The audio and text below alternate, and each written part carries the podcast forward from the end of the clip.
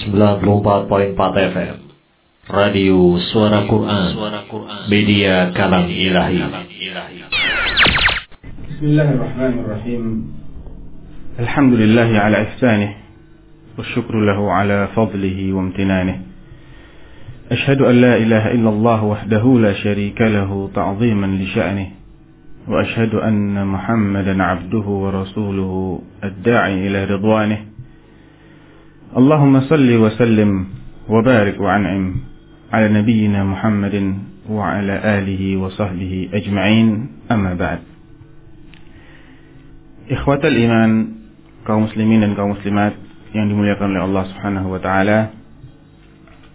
Tak henti-hentinya kita haturkan puji syukur kehadirat Allah Subhanahu wa taala atas curahan nikmatnya yang tak terhingga yang diantaranya ialah dengan memberi kita kesempatan sampai hari ini untuk menghirup udara untuk beramal dan mengabdi kepadanya dan untuk tetap beribadah yang salah satunya adalah dengan tolabul ilm seperti yang sedang kita lakukan pada sore hari ini.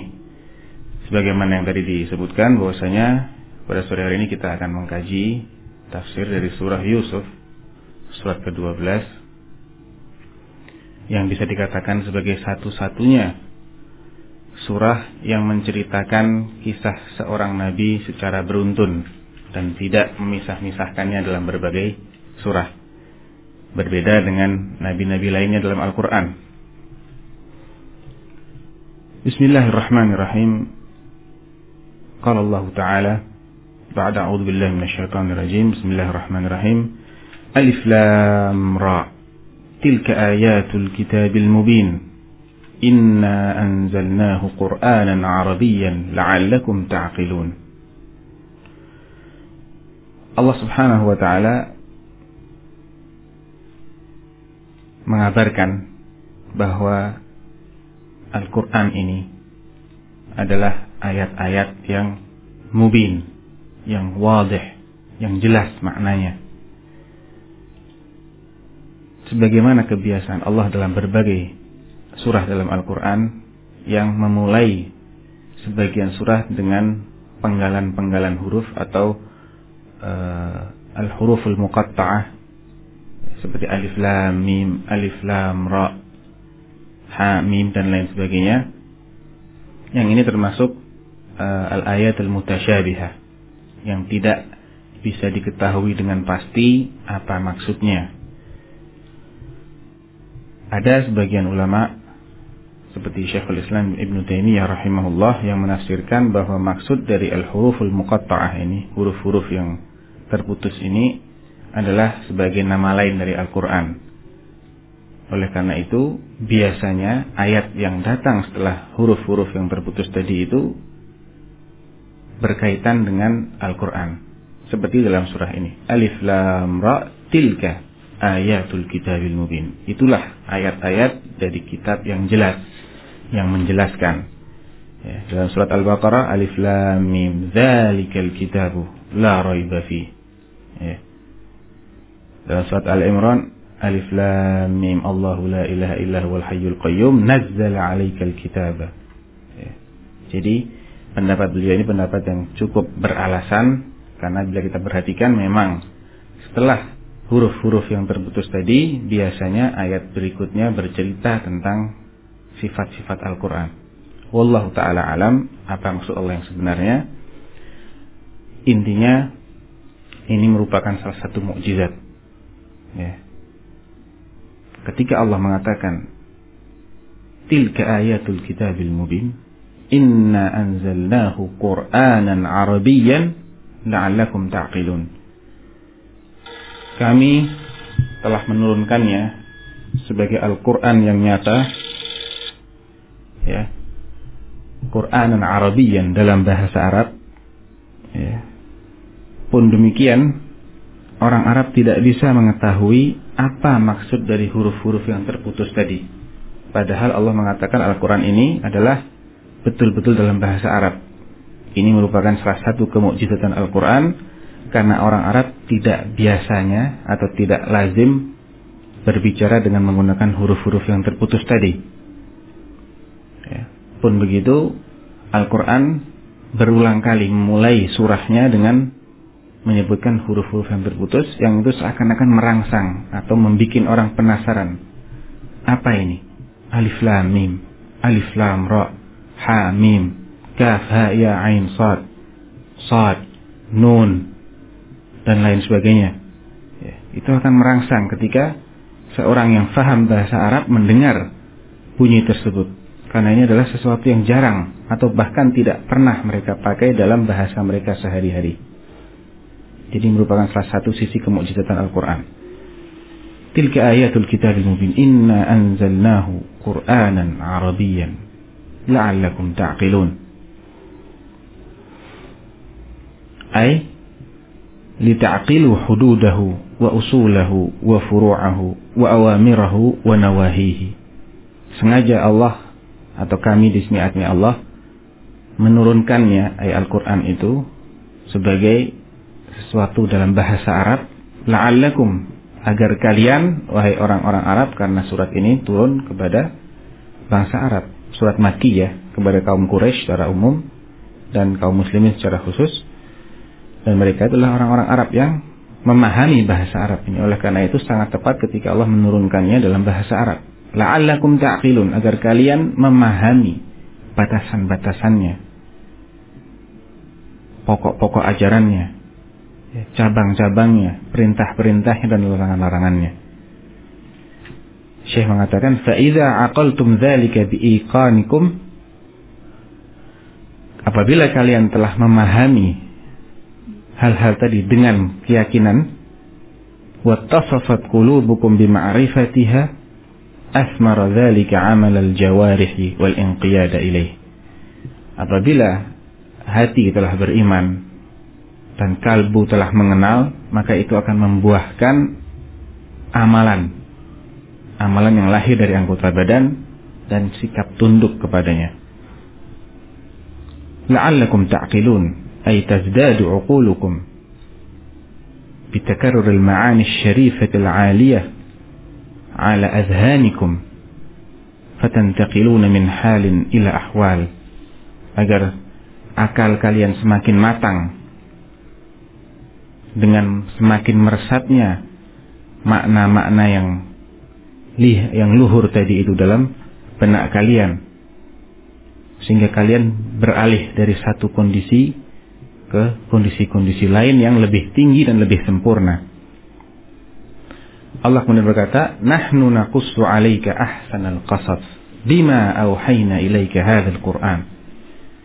Kami sedang menceritakan kepadamu kisah-kisah yang paling indah, kisah-kisah yang paling baik. Indah bukan hanya dari jalur ceritanya atau alur ceritanya, bukan hanya dari keindahan bahasa yang digunakan, namun samping itu dari kandungannya yang sangat penuh dengan hikmah dan pelajaran berharga dan semua yang diceritakan adalah sesuatu yang hak berbeda dengan dongeng-dongeng manusia pada umumnya. Seindah apa pun yang namanya dongeng tetap saja dia hanyalah dongeng. Sesuatu yang tidak real tidak nyata. Beda dengan Al-Quran. Oleh karena itu di akhir surah ini Allah menegaskan kembali makna dari kisah yang terindah itu. Ya. Maka hadithan yuftara. Ya. Ini bukan hanya bukanlah sekedar ucapan yang dibikin-bikin. Walakin tasdiqal ladzi baina yadayhi. Akan tetapi Al-Qur'an ini membenarkan terhadap apa yang ada di hadapannya. Ya. Jadi bukan sekedar cerita hasil rekayasa. Sama sekali tidak ada yang direkayasa dalam ayat ini. Dalam Al-Quran ini secara keseluruhan semua adalah hak. Ya la ya'tihi al-batil min baini yadayhi wala min khalfih. Kata Allah menyifati Al-Quran, tidak akan dia disentuh oleh kebatilan di depan maupun di belakangnya. Nahnu naqussu 'alaika ahsanal qasas. Kisah-kisah yang paling indah yang Allah ceritakan kepada kita. Kalaulah seseorang rela merogoh koceknya mengeluarkan hartanya untuk membeli buku-buku komik, buku-buku novel, atau cerita-cerita fiksi lainnya yang itu hanyalah kebohongan yang direkayasa yang tidak akan menambah keimanan sedikit pun tidak akan menambah ilmu dan tidak akan melahirkan amal maka alangkah ruginya orang tersebut kalau dia tidak mau meluangkan hartanya untuk mengkaji kisah-kisah Al-Quran baik dengan membeli buku-buku tafsir ya, atau dengan cara lain menyimak ceramah-ceramah yang menjelaskan tentang makna-makna dari kisah-kisah Al-Quran yang demikian indah dan memukau ini. Bima awhayna ilaika hadzal Qur'an wa in kunta min qablihi laminal ghafilin kisah-kisah terindah itu tercakup oleh Al-Quran bimastamala alaihi hadal Quran alladhi awhaynahu ilaika bihi ala bihi ala sairil ya, Al-Quran ini merupakan kelebihan yang Allah berikan kepada Rasulullah SAW dan tidak diberikan kepada nabi mana pun.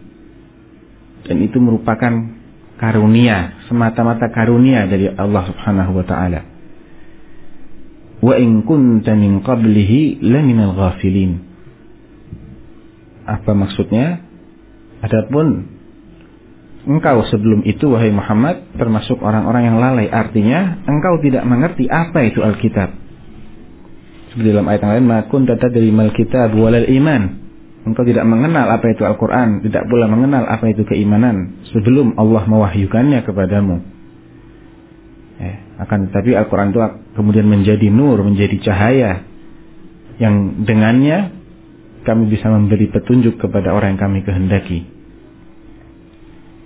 setelah Allah menyebutkan mukaddimah dalam tiga ayat ini, mulailah Allah bercerita tentang salah satu hambanya, Al-Karim, Ibnul Karim, Ibnul Karim, Ibnul Karim.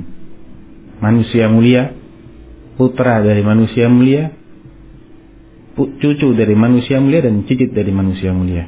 Yusuf bin Yaqub bin Ishaq bin Ibrahim alaihi salatu wassalam. adalah suatu ciri khas dari Al-Quran ketika Allah bercerita tentang suatu kejadian sering kali tidak menceritakan secara detail.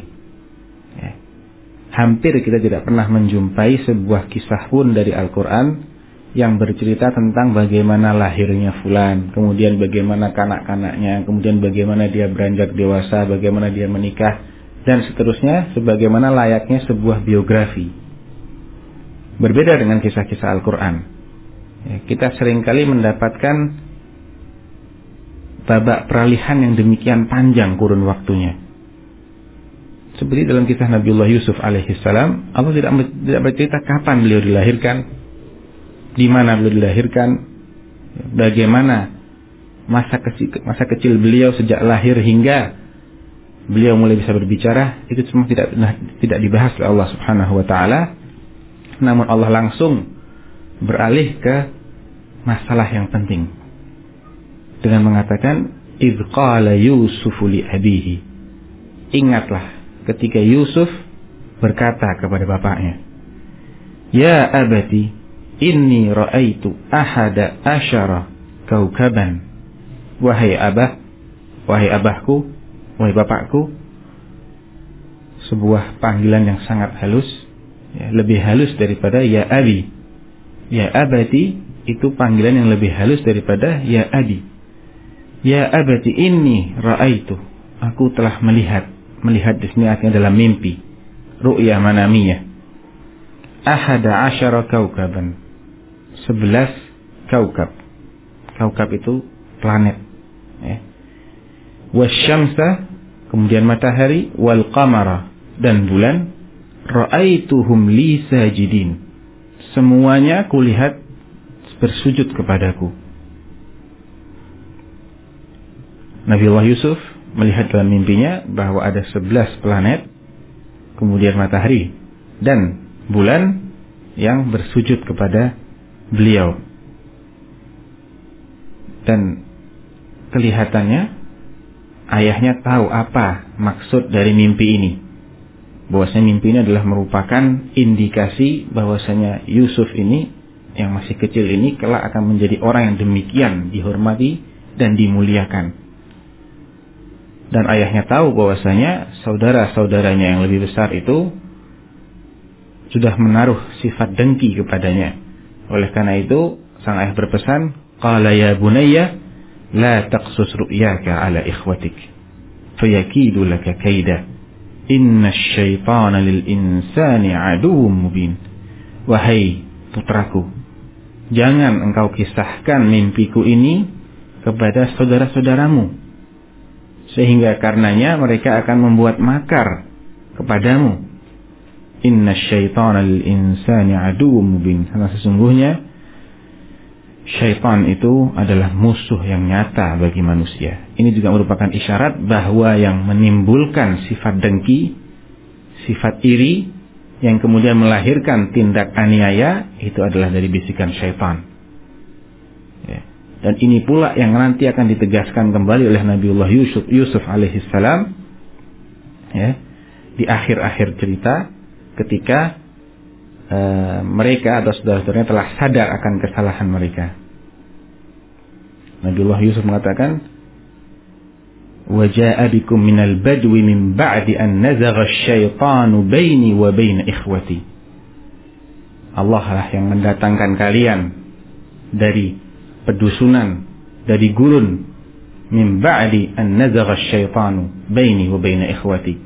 Setelah setan ya, menimbulkan permusuhan atau menghasut sehingga timbullah permusuhan antara aku dan saudara-saudaraku. Ya bunayya la taqsus ru'yaka ala ikhwatik fayakidu laka kaida inna asyaitana lil insani aduwwun mubin. وكذلك يجتبيك ربك ويعلمك من تأويل الأحاديث ويتم نعمته عليك وعلى آل يعقوب كما أتمها على أبويك من قبل إبراهيم وإسحاق إن ربك عليم حكيم Ini istilahnya adalah iltifat ya, Peralihan Kalau dua ayat yang pertama tadi Allah mengisahkan tentang Yusuf alaihissalam Artinya Nabiullah Yusuf menjadi pihak ketiga atau orang ketiga menjadi bahan pembicaraan. Namun dalam ayat ini Nabiullah Yusuf menjadi orang yang diajak bicara. Karena Allah mengatakan wa kadzalika yajtabika. Demikianlah Allah memilihmu. Ya, Allah Rabbuka yajtabika wa yu'allimuka dan mengajarimu min ta'wilil ahadis. Ya. Sebagian atau e, bagaimana menakbirkan mimpi-mimpi. Wa yutimmu ni'matahu 'alaik. Dan menyempurnakan nikmatnya kepadamu.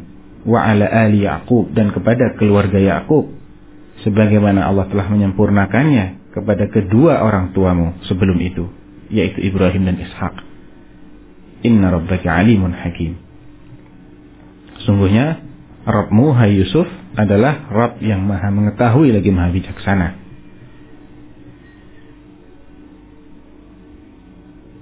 Dalam penafsirannya Syekh Sa'di mengatakan bahwa maksud dari sebelas planet itu adalah sebelas orang saudaranya. Adapun matahari dan bulan itu artinya ayah dan ibunya. Ada yang menafsirkan matahari sebagai ibunya dan uh, apa rembulan sebagai bapaknya annahu satantaqilu bihil ahwal ila an yasira ila halin yakhda'una lahu. Mimpi ini merupakan isyarat bahwasanya Yusuf alaihi salatu wasalam akan berpindah dari satu kondisi ke kondisi demikian seterusnya sehingga semua saudaranya ini akan tunduk kepadanya bahkan bersujud sebagai bentuk penghormatan ya, karena sujud dalam syariat Nabiullah Yusuf alaihi salam ya, tidak bernilai ibadah. Namun sujudnya adalah seperti seseorang yang memberikan penghormatan kepada orang lain. Ya. Jadi beda antara sujud dalam syariah Nabiullah Yusuf alaihissalam dengan sujud dalam syariah Nabiullah Muhammad alaihissalam. Dalam syariat Rasulullah SAW, sujud itu ibadah yang tidak boleh ditujukan kepada selain Allah. Oleh karena itu, ketika salah seorang sahabat yang baru saja pulang dari negeri Persia, yaitu Mughirah bin Syu'bah, ketika di negeri Persia dia melihat bahwasanya orang-orang itu bersujud kepada sang raja untuk menghormatinya. Kemudian pulangnya beliau ke Madinah, beliau pun bersujud di hadapan Rasulullah SAW. Ketika ditanya, kenapa kamu berbuat seperti ini? Beliau mengatakan, Ya Rasulullah, di negeri Persia aku melihat orang-orang sujud kepada rajanya dalam rangka menghormati. Sedangkan di mataku engkau lebih terhormat dari mereka. Oleh karena itu aku sujud kepadamu. Kata Rasulullah, La taf'al. Lau kuntu amiran ahadan an yasjuda li ahadin la amal la amartul mar'ata an tasjuda li zawjiha li'idhami haqqihi 'alaiha. Jangan kamu lakukan hai Mughirah. Kalaulah aku boleh memerintahkan seseorang untuk sujud kepada orang lain, maka aku perintahkan istri sujud kepada suami saking besarnya hak suami atas istrinya. Akan tetapi itu syariat apa namanya syariat Rasulullah SAW. Adapun syariat sebelum beliau berbeda. Sebagaimana syariat Nabi Adam alaihissalam, ya, Allah memberikan malaikat untuk sujud kepada Adam. Demikian juga dalam syariat Nabiullah Yusuf alaihissalam. وكذلك يجتبيك رب demikianlah Allah memilihmu ay yastafika wa yakhtaruka بما من به عليك من الأوصاف الجليلة والمناقب الجميلة Allah mengutamakanmu, memilihmu, hai Yusuf, dengan memberimu sifat-sifat mulia dan perangai-perangai yang indah. Wa yu'allimuka min ta'wilil ahadith. Allah juga mengajarimu bagaimana menakbirkan mimpi-mimpi. Ya. Dan bagaimana menafsirkan sesuatu yang akan terjadi di masa datang dengan penafsiran yang tepat dan akurat. Wa yutimmu ni'matahu 'alaik dan menyempurnakan nikmatnya kepadamu baik di dunia maupun di akhirat. Di dunia seperti dengan memberinya ketampanan rupa, kegagahan wajah. Adapun di akhirat dengan memberinya pahala yang besar. Karena kita tahu bahwa Nabiullah Yusuf itu sejak kecil beliau telah menghadapi berbagai macam musibah. Mulai dari dipisahkan dengan ayah tercintanya, dibuang ke dalam sumur tanpa dibekali apa-apa, kemudian diperjualbelikan sebagai budak, bahkan dijual dengan harga yang sangat murah. Kemudian dibeli oleh seorang penguasa Mesir, ya, yang setelah itu beliau difitnah. Setelah beliau beranjak dewasa beliau mendapatkan tuduhan berat. Karena dituduh berselingkuh dengan istri si penguasa sehingga kemudian mendekam dalam penjara bertahun-tahun lamanya itu adalah musibah demi musibah yang dihadapi oleh Abdullah Yusuf alaihissalam yang itu semua menambah poinnya atau menambah kedudukannya dan apa namanya tabungan pahala yang di sisi Allah Subhanahu wa taala. Kama atammaha ala abawaika min qablu Ibrahim wa Ishaq. Demikian sebagaimana kami juga menyempurnakan nikmat tadi atas kedua orang tuamu sebelum itu, yaitu Ibrahim dan Ishak. Ini menunjukkan bahwasanya kakek dan buyut itu juga dijuluki sebagai ab sebagai bapak. Eh. Apa kenikmatan yang Allah berikan kepada Nabi Ibrahim dan Ishak? Kenikmatan sebagai seorang Rasul utusan Allah diberi nubuah. Ya. Adapun Nabiullah Ibrahim maka jelas sekali dia menjadi Khalilullah kekasihnya Allah. Ya menjadi manusia yang paling dicintai setelah Rasulullah Shallallahu Alaihi Wasallam dan ini merupakan nikmat, nikmat terbesar. Dan di samping itu beliaulah bapaknya atau leluhurnya para nabi, termasuk Rasulullah Shallallahu Alaihi Wasallam. Ini juga merupakan kenikmatan lain. Inna rabbaka alimun hakim. Ay ilmuhu muhitun bil asya' wa bimahtawat alaihi. Ilmu Allah itu meliputi segala sesuatu. Dan apa saja yang dikandung oleh sesuatu itu semua tidak akan terlepas dari ilmu Allah Subhanahu wa taala. Setelah Setelah itu, setelah Yusuf mengisahkan mimpinya, ayahnya berkata, Ya bunayya la taqsus ru'yaka ala ikhwatika fayakidu laka kaida.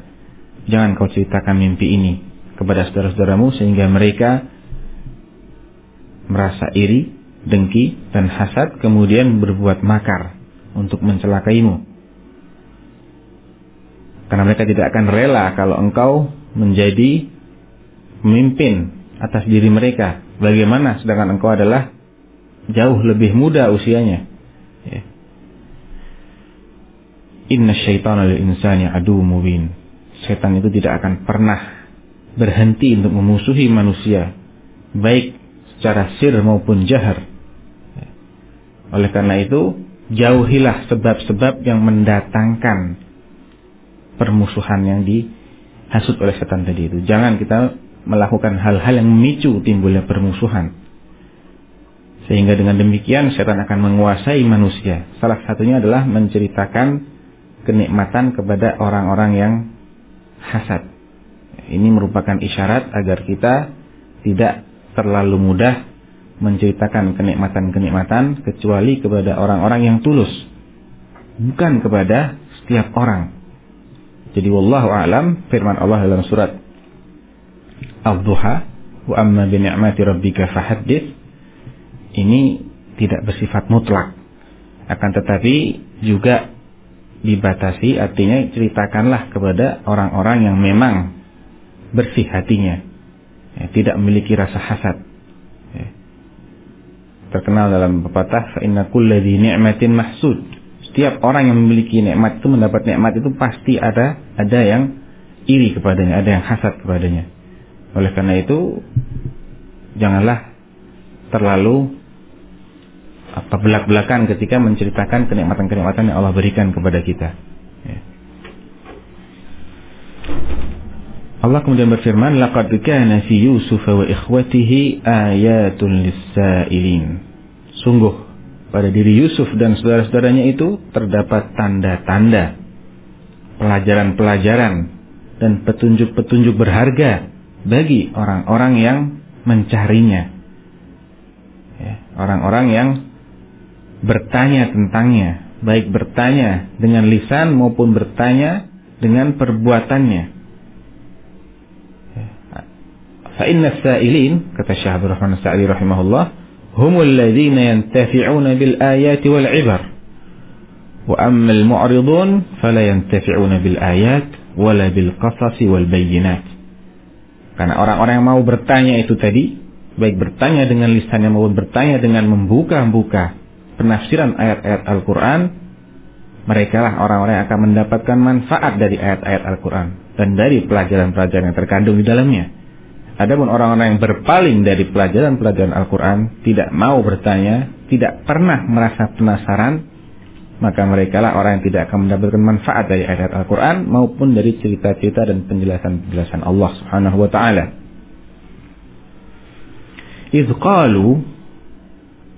Ketika mereka saling berbisik satu sama lain berkata, La Yusuf wa akhuhu sungguh Yusuf dan saudaranya yaitu Bunyamin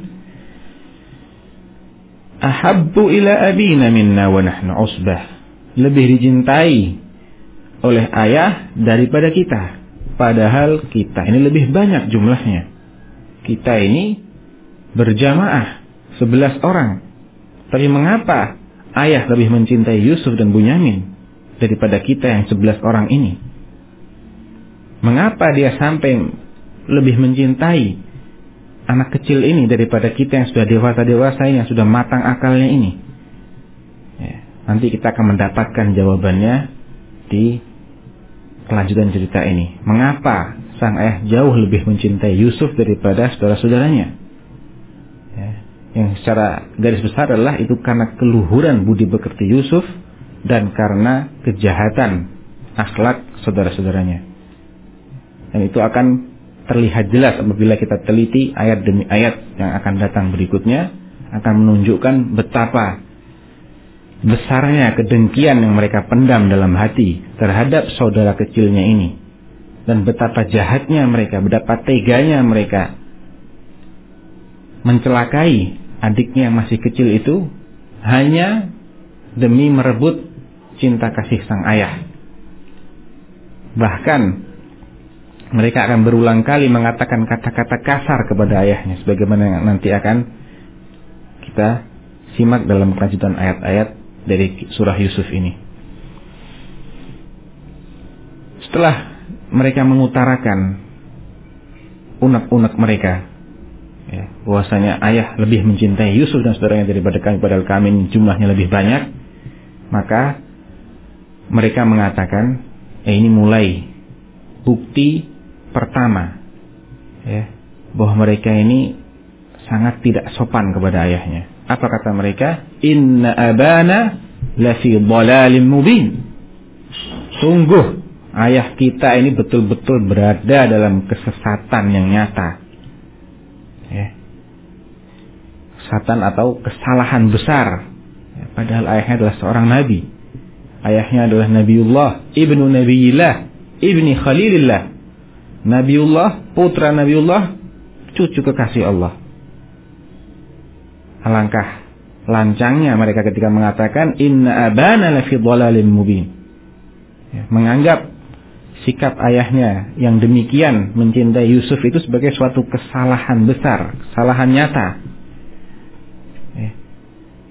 Dan ini karena dangkalnya pola pikir mereka. Ya. Merasa bahwa semata-mata kedewasaan sudah cukup menjadi alasan satu-satunya untuk lebih dicintai. Mereka melupakan bahwa banyak faktor yang menjadikan sang ayah lebih mencintai Yusuf walaupun dia masih kecil umurnya. Yang salah satunya adalah keluhuran budi pekerti Yusuf. Kalau tadi di awal surah Yusuf menyeru ayahnya memanggil ayah dengan ya abati, adapun mereka tidak pernah menggunakan istilah ya abati atau ya abatana tapi menggunakan ya abana. Inna abana. Dan tadi telah kita jelaskan bahwasanya al-abah itu lebih halus daripada al-ab. Inna abana lafi dhalalin mubin. Kemudian mulailah setan membisikkan makar-makar kepada mereka yang hasad ini. Uqtulu Yusuf. Bunuhlah Yusuf. Ada sejumlah orang dari mereka yang mengatakan uktulu Yusuf. Dan jumlahnya ini banyak. Minimal tiga orang ya, mengatakan uktulu Yusuf. Bunuh saja Yusuf itu. Awitrahuhu ardan. Atau buang dia ke tempat yang jauh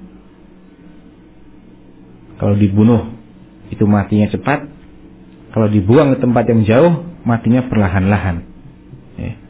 dua-duanya berujung kepada kematian yakhlu lakum wajhu abikum wa takunu min ba'dihi qauman salihin. Kelak perhatian ayahmu akan tertuju kepadamu saja, kepada kalian saja.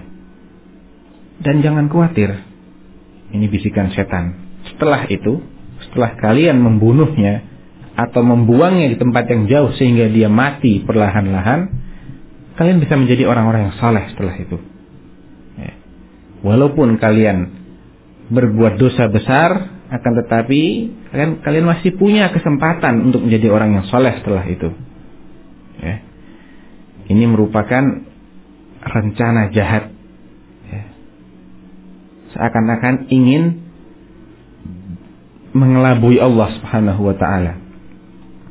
Bahwa kalau seseorang itu berbuat dosa dengan niat akan bertaubat setelahnya, maka Allah pasti akan menerima taubatnya dan akan memberinya taufik untuk bertaubat. Belum tentu para pendengar dan kaum pemirsa sekalian yang dimuliakan oleh Allah, ini adalah pelajaran berharga bagi kita. Jangan sekali-kali kita berniat untuk bermaksiat, kemudian setelah itu akan bertaubat dan merasa yakin Allah pasti memberi kita kesempatan dan peluang untuk bertaubat. Belum tentu wahai kaum muslimin dan kaum muslimat sekalian dan kita akan membuktikan dalam surah ini bahwa rencana bertaubat tadi itu ternyata tertunda hingga sekitar 40 tahun lamanya. Ya, mereka merencanakan setelah membunuh mereka akan bertaubat. Tapi apa yang terjadi? Mari kita saksikan sama-sama. Qala qailum minhum la taqtulu Yusuf wa alquhu fi ghayabatil jub. Ada satu dari mereka. Ini yang paling memiliki rasa kasih sayang. Paling besar rasa kasih sayangnya mengusulkan usulan yang lain. Jangan kamu bunuh. Ya. Tapi campakkan saja dia ke dasar sumur. Sehingga suatu ketika dia akan diambil oleh musafir yang melalui sumur tersebut. Ya. Kalau memang kalian bertekad untuk melaksanakan makar kalian, jangan kalian bunuh. Cukup masukkan saja ke dalam sumur. Ya. Karena membunuh ini dosanya terlalu berat, terlalu besar ya, terlalu sadis. Ya. Kalau kalian ingin mendapat perhatian, tidak perlu membunuhnya. Cukup kalian singkirkan saja Yusuf ini. Kalian jauhkan dia dari ayahnya. Kalian akan bisa mendapat perhatian sang ayah tanpa perlu membunuhnya. Fi ghayabatil jub artinya tempat yang jauh ya, lubang sumur yang jauh yang tidak mudah untuk ditemukan. Ya.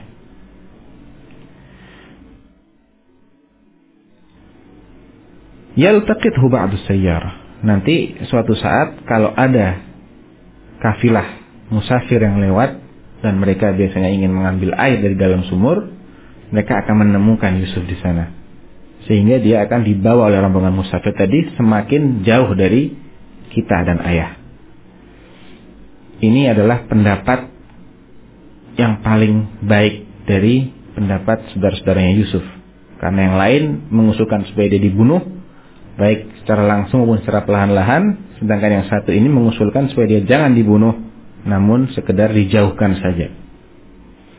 Jadi ini pendapat orang yang paling bertakwa di antara mereka.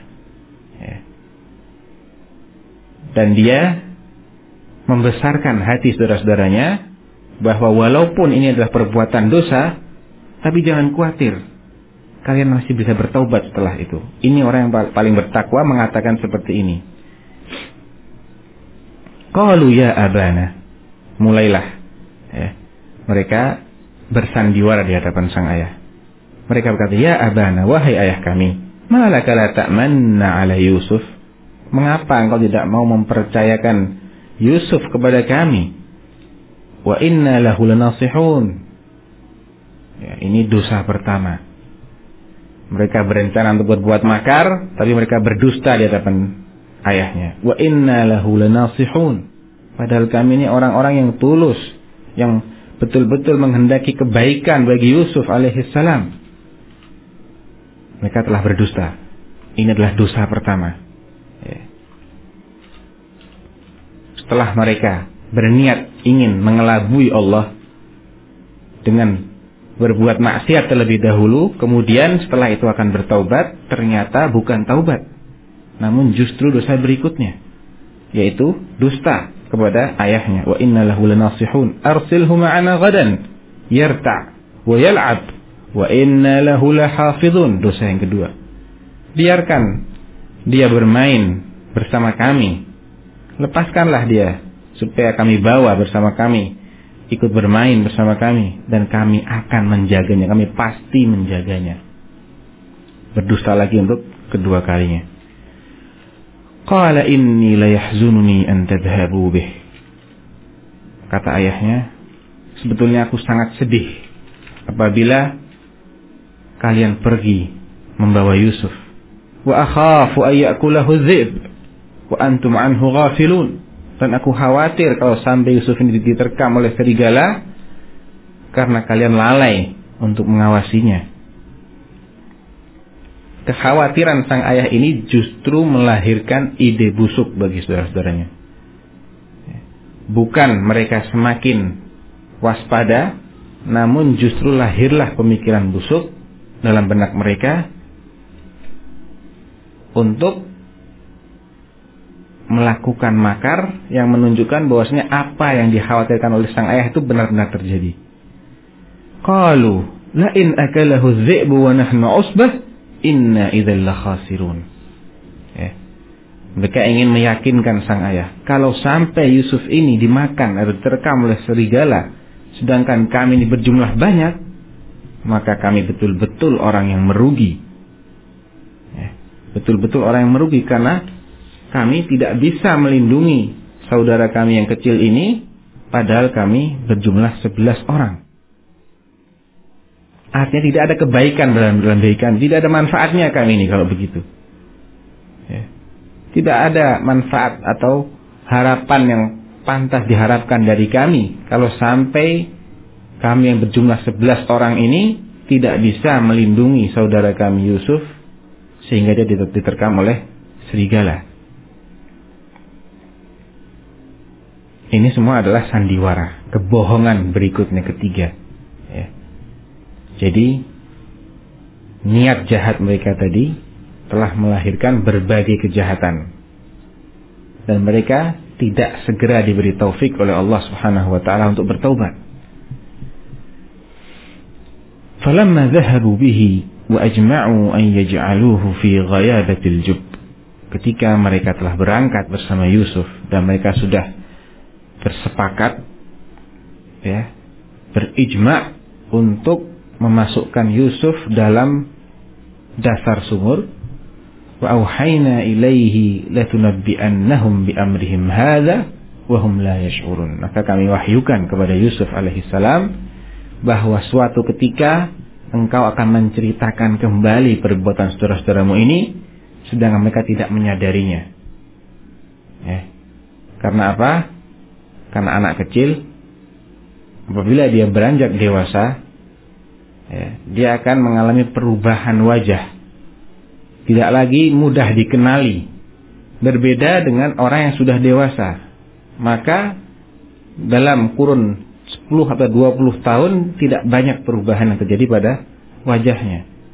Oleh karena itu, ketika Yusuf telah beranjak dewasa, Allah akan menceritakan nanti bahwasanya mereka akan berulang kali menghadap Yusuf tanpa menyadari sedikit pun bahwasanya yang dihadapi ini adalah orang yang dahulu pernah mereka celakai. Dan akhirnya Yusuf akan menceritakan kembali perbuatan mereka itu. Barulah setelah itu mereka sadar bahwa yang dihadapi ini yang, yang diajak bicara ini adalah Nabiullah Yusuf alaihi salatu wassalam. Latunabbi'annahum bi amrihim hadha wa hum la yash'urun. Artinya engkau akan bisa mengikuti jalan cerita perbuatan mereka ini dan mengabarkan kembali perbuatan mereka ini sedangkan mereka tidak menyadarinya. Ini merupakan isyarat dari Allah Subhanahu wa taala bahwa Yusuf akan selamat dari kejahatan saudara-saudaranya tadi itu. Dan Allah akan mengumpulkannya kembali dengan keluarganya dan saudara-saudaranya termasuk kedua orang tuanya dalam kondisi yang aziz. Sebagai orang yang terpandang yang dihargai dan disegani. Ya. waja'a abahum kemudian datanglah mereka di sore harinya menghadap ayahnya dalam keadaan menangis. Ya, menangis yang dibuat-buat tangisan munafik, ya, air mata buaya. Ini merupakan dosa keempat.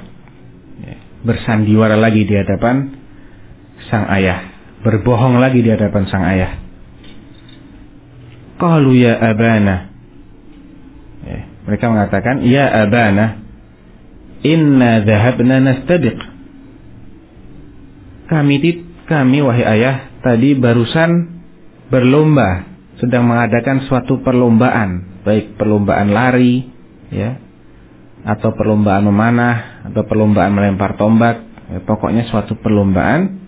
Wa tarakna Yusuf 'inda mata'ina dan kami meninggalkan Yusuf di tempat barang-barang kami. Ya. Agar apa? Agar dia tidak perlu capek ikut berlomba bersama kami. Agar dia bisa beristirahat di sana fa'akalahu tapi akhirnya jadi terkam oleh serigala.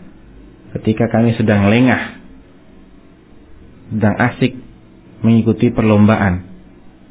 Wa ma anta bimu'minin lana walau kunna sadiqin. Mereka pun segera menunjukkan bahwasanya mereka ini benar-benar mengisahkan kejadian yang sebenarnya. Sehingga seakan-akan bisa memastikan bahwasanya ayahnya tidak akan percaya terhadap kisah mereka ini. Ini adalah trik. Ya. Trik orang yang ingin berdusta agar kedustaannya tidak tercium, dia akan mengkat. Dia akan menebak. Kamu pasti tidak akan percaya kan kalau saya bilang begini. Ya. Walaupun saya jujur, kamu tidak akan percaya kepada saya. Padahal dia tidak jujur. Dia berdusta. Ya, tapi inilah makar mereka, ya, tipu muslihat mereka, dan ini adalah dosa kelima. Sejak mereka berniat untuk bertaubat setelah mencelakakan Yusuf. Namun bukan taubat yang mereka lakukan, justru dosa demi dosa yang terus mereka perbuat. Wa wa ma anta bimu'minin lana walau kunna. Engkau tidak akan percaya kepada kami wahai ayah walaupun kami ini jujur.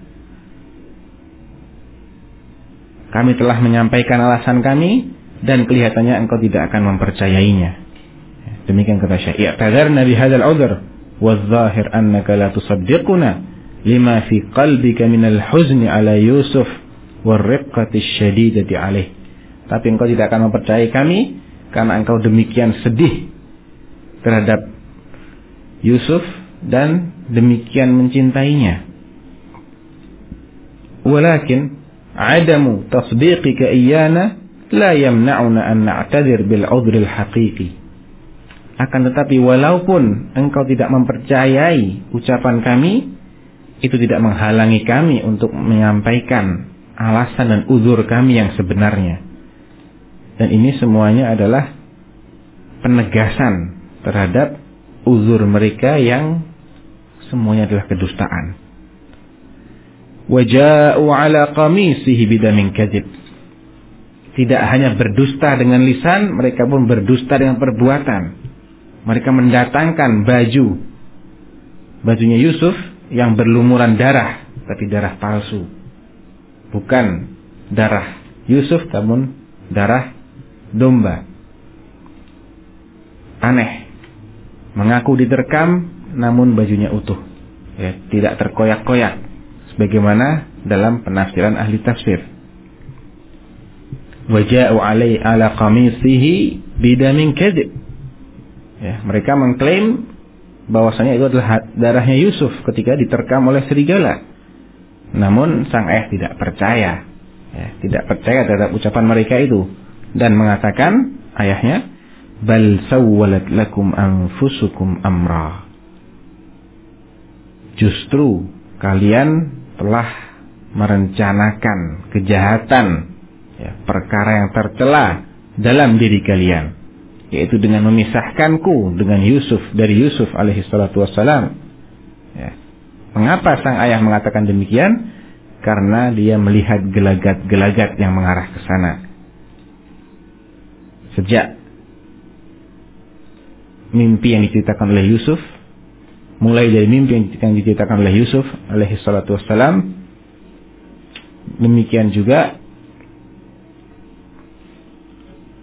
darah atau uh, baju yang tidak terkoyak tadi fasabrun jamil wallahul musta'anu ala ma tasifun ay amma ana فوظيفتي سأحرص على القيام بها وهي أني أصبر على هذه المحنة صبرا جميلا. سالما من السخط wat إلى الخلق. Adapun aku kata sang ayah maka kewajibanku hanyalah bersabar. Menyikapi musibah ini dengan bersabar. Sabar yang indah yang bersih dari segala kejengkelan terhadap Allah Subhanahu wa taala yang bebas dari keluh kesah terhadap sesama manusia. Namun hanya aku keluhkan kepada Allah Subhanahu wa taala. Wallahul musta'an ala ma tasifun. ay wa asta'inullah ala dzalik la ala hauli wa quwwati aku hanya memohon pertolongan kepada Allah untuk menghadapi musibah ini artinya Nabiullah Yusuf eh, Nabiullah Yakub alaihi salatu wasalam tidak menyandarkan kepada dirinya maupun kemampuan pribadinya untuk menghadapi musibah ini namun hanya bersandar kepada Allah. Fawa'ada min nafsihi hadzal amr wa syaka ila khaliqihi. Oleh karena itu dalam ayat-ayat yang lainnya dalam surat ini beliau mengatakan innama ashku bathi wa huzni ila Allah ya, aku hanyalah mengeluhkan keluh kesahku dan gundah gulanaku kepada Allah semata karena keluhan kepada manusia Ya. Karena keluhan kepada Allah, mengeluhkan sesuatu kepada Al-Khaliq tidak bertentangan dengan kesabaran. Kesabaran yang indah itu. Ya. Yang bertentangan adalah mengeluhkan atau terlalu banyak mengeluh kepada yang tidak bisa menyelesaikan masalah, yaitu manusia. Adapun Rasulullah SAW atau Nabiullah ketika berjanji untuk bersabar, beliau tetap mengeluhkan gundah bulananya ini kepada Allah Subhanahu wa taala dan itu berarti menunjukkan bahwasanya mengeluhkan musibah kepada Allah tidak menafikan kesabaran. Tidak menafikan kesabaran yang indah. Kemudian Allah berfirman ya, berpindah lagi alurnya. Tidak diceritakan bagaimana pengalaman Yusuf ketika berada dalam sumur bagaimana dia, berapa lama dia berada di sana, apa saja yang dia alami, ini semua dilewati oleh Allah Subhanahu wa taala. Ya, Allah langsung beralih ke babak berikutnya yang yang penting. Waja'at sayyaratun fa'arsalu waridahum fa'adla dalwah. Maka datanglah para kafilah itu, sayyarah, orang yang banyak berkeliling-keliling, orang yang bepergian Fa'arsalu waridahum. Mereka pun mengutus seseorang yang ditugaskan untuk mengambil air untuk kafilah. Fa'adla dalwah. Maka mulailah orang ini menurunkan timbanya ke dalam sumur. Tentunya setelah mencapai di dasar sumur, Yusuf yang sendirian berada di, di dasar sumur, ya, melihat ada timba yang diturunkan ke arahnya, segeralah dia berpegangan dengan timba itu. Kemudian ketika diangkat, qala ya bushra, hadza gula. Alangkah bahagianya saya mendapatkan anak di sini. Wa asarruhu bidha'ah. Kemudian mereka mereka ketika mendapatkan seorang anak kecil yang demikian berharga, yang demikian tampan itu tadi, mereka segera menyembunyikannya menyembunyikannya agar tidak terungkap bahwasanya ada anak kecil yang ditemukan di dalam sumur sehingga akan dicari-cari oleh keluarganya. Karena anak ini adalah anak yang tampan. Kalau dijual akan cepat laku. Wa bidha'ah. Mereka menyembunyikannya sebagai salah satu barang dagangan mereka. Wallahu alimun bima ya'malun. Akan tadi Allah itu Maha tahu terhadap apa yang mereka lakukan bakhsin. Mereka kemudian cepat-cepat menjualnya dengan harga yang murah agar segera bisa terlepas dari tanggung jawab. Sebelum terungkap jati diri anak ini dan sebelum ia diambil kembali oleh keluarganya, cepat-cepat mereka jual. Yang penting mereka dapat duit ya, walaupun harganya murah. Wasyarauhu bisamanin bakhsin darahima ma'dudah wa kanu fihi minaz dan adalah mereka itu merasa tidak membutuhkan keberadaan anak ini. Ya. Karena memang bukan tujuan semula mereka. Ya. Mereka bukan mencari anak, namun mencari air. Dan mereka juga tidak bisa menahan anak ini selama-lama atau selama-lamanya. Mereka harus segera berlepas diri atau melepaskan anak ini dari tanggung jawab mereka. Jadi sampai di sini, ya, kita saksikan betapa Yusuf alaihi salatu wassalam yang masih kecil itu telah mengalami berbagai macam musibah. Mulai dari kesedihan berpisah dengan ayah tercintanya. Kemudian kesunyian yang beliau lalui di dalam sumur yang gelap gulita tanpa makanan, tanpa baju. Bagaimana beliau kedinginan. Harus berendam di dalam air. Tidak ada yang bisa menolong. Tidak ada seorang pun di situ. Entah berapa lama lamanya Bayangkan ketika seorang anak kecil harus diperlakukan seperti itu. Ini adalah musibah yang luar biasa. Namun, sebagaimana kata Rasulullah SAW, Inna dan nasi. Apa namanya? Balaan al-anbiya summal amsal fal amsal. Manusia yang paling berat cobaannya adalah para nabi.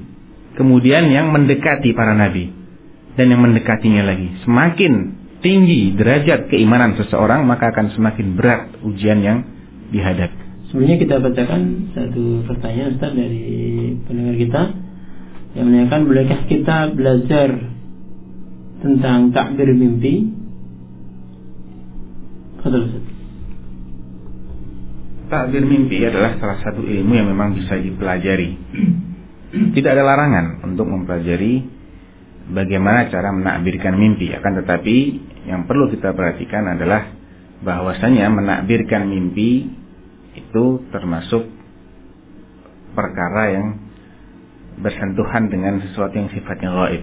Oleh karena itu uh, tidak boleh dilakukan secara membabi buta ya atau kemudian terlalu berani sehingga semua yang ditanyakan ditakdirkan karena Yusuf alaihi salatu wasallam tidak bisa menakbirkan seluruh mimpi.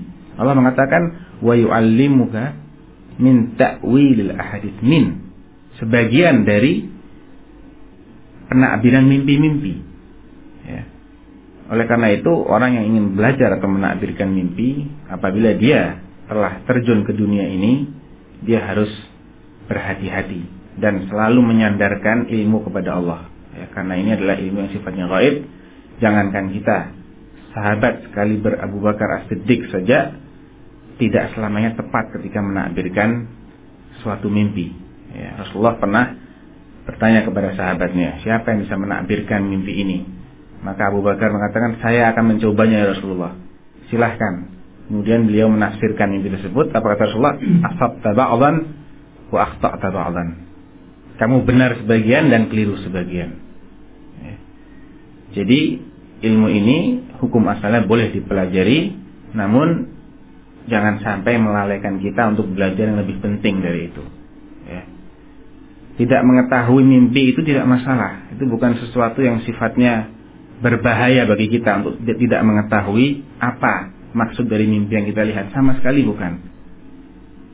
Ya, tapi pelajarilah hal-hal yang menjadi fardu ain bagi setiap muslim untuk mempelajarinya.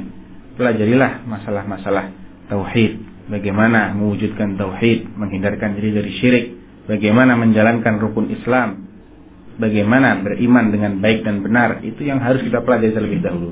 Kalau itu sudah kita kuasai, masih ada waktu yang luang, silahkan. Eh, Wallahu taala alam. Satu lagi pertanyaan, bolehkah kita menjadikan mimpi kita dalam petunjuk dalam menghadapi dan menjalani kehidupan ini Ustaz? Mimpi itu bukan dalil ya. Betapapun hebat mimpi yang kita saksikan, ya, dia tidak akan pernah menjadi dalil syar'i dalam beragama. Ya. Mimpi itu hanya bisa menjadi yusta'nasu. Al-isti'nas itu artinya menjadi uh, sesuatu yang kita harapkan saja untuk menghibur hati kita saja. Petunjuk ini maksudnya apa? Kalau petunjuk seperti dalil dalam dalam beragama yang menjadi pegangan kuat nggak bisa. Para ulama menyebutkan mimpi itu bisa menjadi sesuatu yang sifatnya e, isyarat saja, namun tidak bisa kita terapkan ke orang lain apabila terpenuhi tiga syarat. Ya. Yang pertama, mimpi tersebut terulang berkali-kali. Ya. Kemudian ah, dua syarat ya bukan tiga tapi dua syarat. Yang pertama mimpi itu terulang berkali-kali. Kemudian penakbiran mimpi tersebut memiliki dalil dalam dalam syariat. Hal ini pernah dialami oleh Syekhul Islam Ibn Taimiyah ketika uh, dan kita tahu bahwasanya Syekhul Islam Ibn Taimiyah ini tinggal di daerah Syam yang di sana banyak dihuni oleh orang-orang dari sekte Drus. Sekte Drus ini adalah salah satu pecahan dari Syiah Batiniyah yang hukumnya adalah kafir menurut para ulama. Akan tetapi mereka menggunakan baju sebagaimana bajunya kaum muslimin. Artinya secara zahir mereka bertingkah laku seperti kaum muslimin. Dan sering kali Syekhul Islam Ibn Taimiyah e, dihadapkan kepada kondisi beliau disuruh menyolatkan jenazah orang-orang yang mati tapi beliau tidak tahu jelas siapakah yang mati ini. Apakah mereka termasuk durus yang kafir itu ataukah masih muslim. Tapi kemudian beliau bermimpi, berulang kali bermimpi bertemu dengan Rasulullah Shallallahu Alaihi Wasallam. Kemudian bertanya kepada Rasulullah, bagaimana sikap yang harus saya lakukan ya Rasulullah? Apa kata Rasulullah? Alaika bisyarti ya Ahmad. Syaratkan saja wahai Ahmad. Kamu harus mensyaratkan. Artinya sebelum engkau mendoakan orang ini dalam salatmu, ucapkan syarat ya Allah apabila dia seorang muslim maka ampunilah dia, rahmatilah dia dan seterusnya. Ya, itu artinya mengucapkan syarat. Karena mimpi ini berulang-ulang beliau saksikan. Kemudian penggunaan syarat itu sendiri ada pijakannya dalam syariat. Ya. Seperti orang yang tidak mengetahui jelas bagaimana hakikat sesuatu, dia dibolehkan untuk mensyaratkan. Orang yang ingin berangkat haji namun kondisi fisiknya lemah Rasulullah membolehkan atau menyuruh atau menganjurkan agar dia mengucapkan syarat agar suatu ketika apabila ternyata dia tidak mampu melanjutkan manasik haji, dia boleh tahalul. Oleh karena itu, beliau kemudian mengamalkan apa yang beliau lihat dalam mimpinya tadi itu dan beliau mengatakan atau mensyaratkan dalam doanya ketika mensyaratkan orang-orang yang meninggal tadi kalau memang mereka termasuk kaum muslimin maka alhamdulillah mereka dan seterusnya jadi itu syarat bolehnya kita bersandar kepada mimpi kita namun tetap statusnya tidak bisa menjadi hujah dalam dalam agama. Hanya menjadi sandaran yang tidak bisa kita pastikan kebenarannya 100% wallahu taala alam. Mungkin sampai di sini dulu pemeriksa kaum muslimin dan kaum muslimat yang dimuliakan oleh Allah. Mudah-mudahan uh, apa yang tadi kita dengar menjadi renungan bagi kita dan memberikan manfaat kepada kita, kepada saya pribadi, keluarga saya dan kepada kaum muslimin sekalian. Subhanakallahumma rabbana wa bihamdika asyhadu an la ilaha illa anta astaghfiruka wa atubu ilaik. Sang dosos kawan kumas kawan FM Radio Suara Quran Media Kalam Ilahi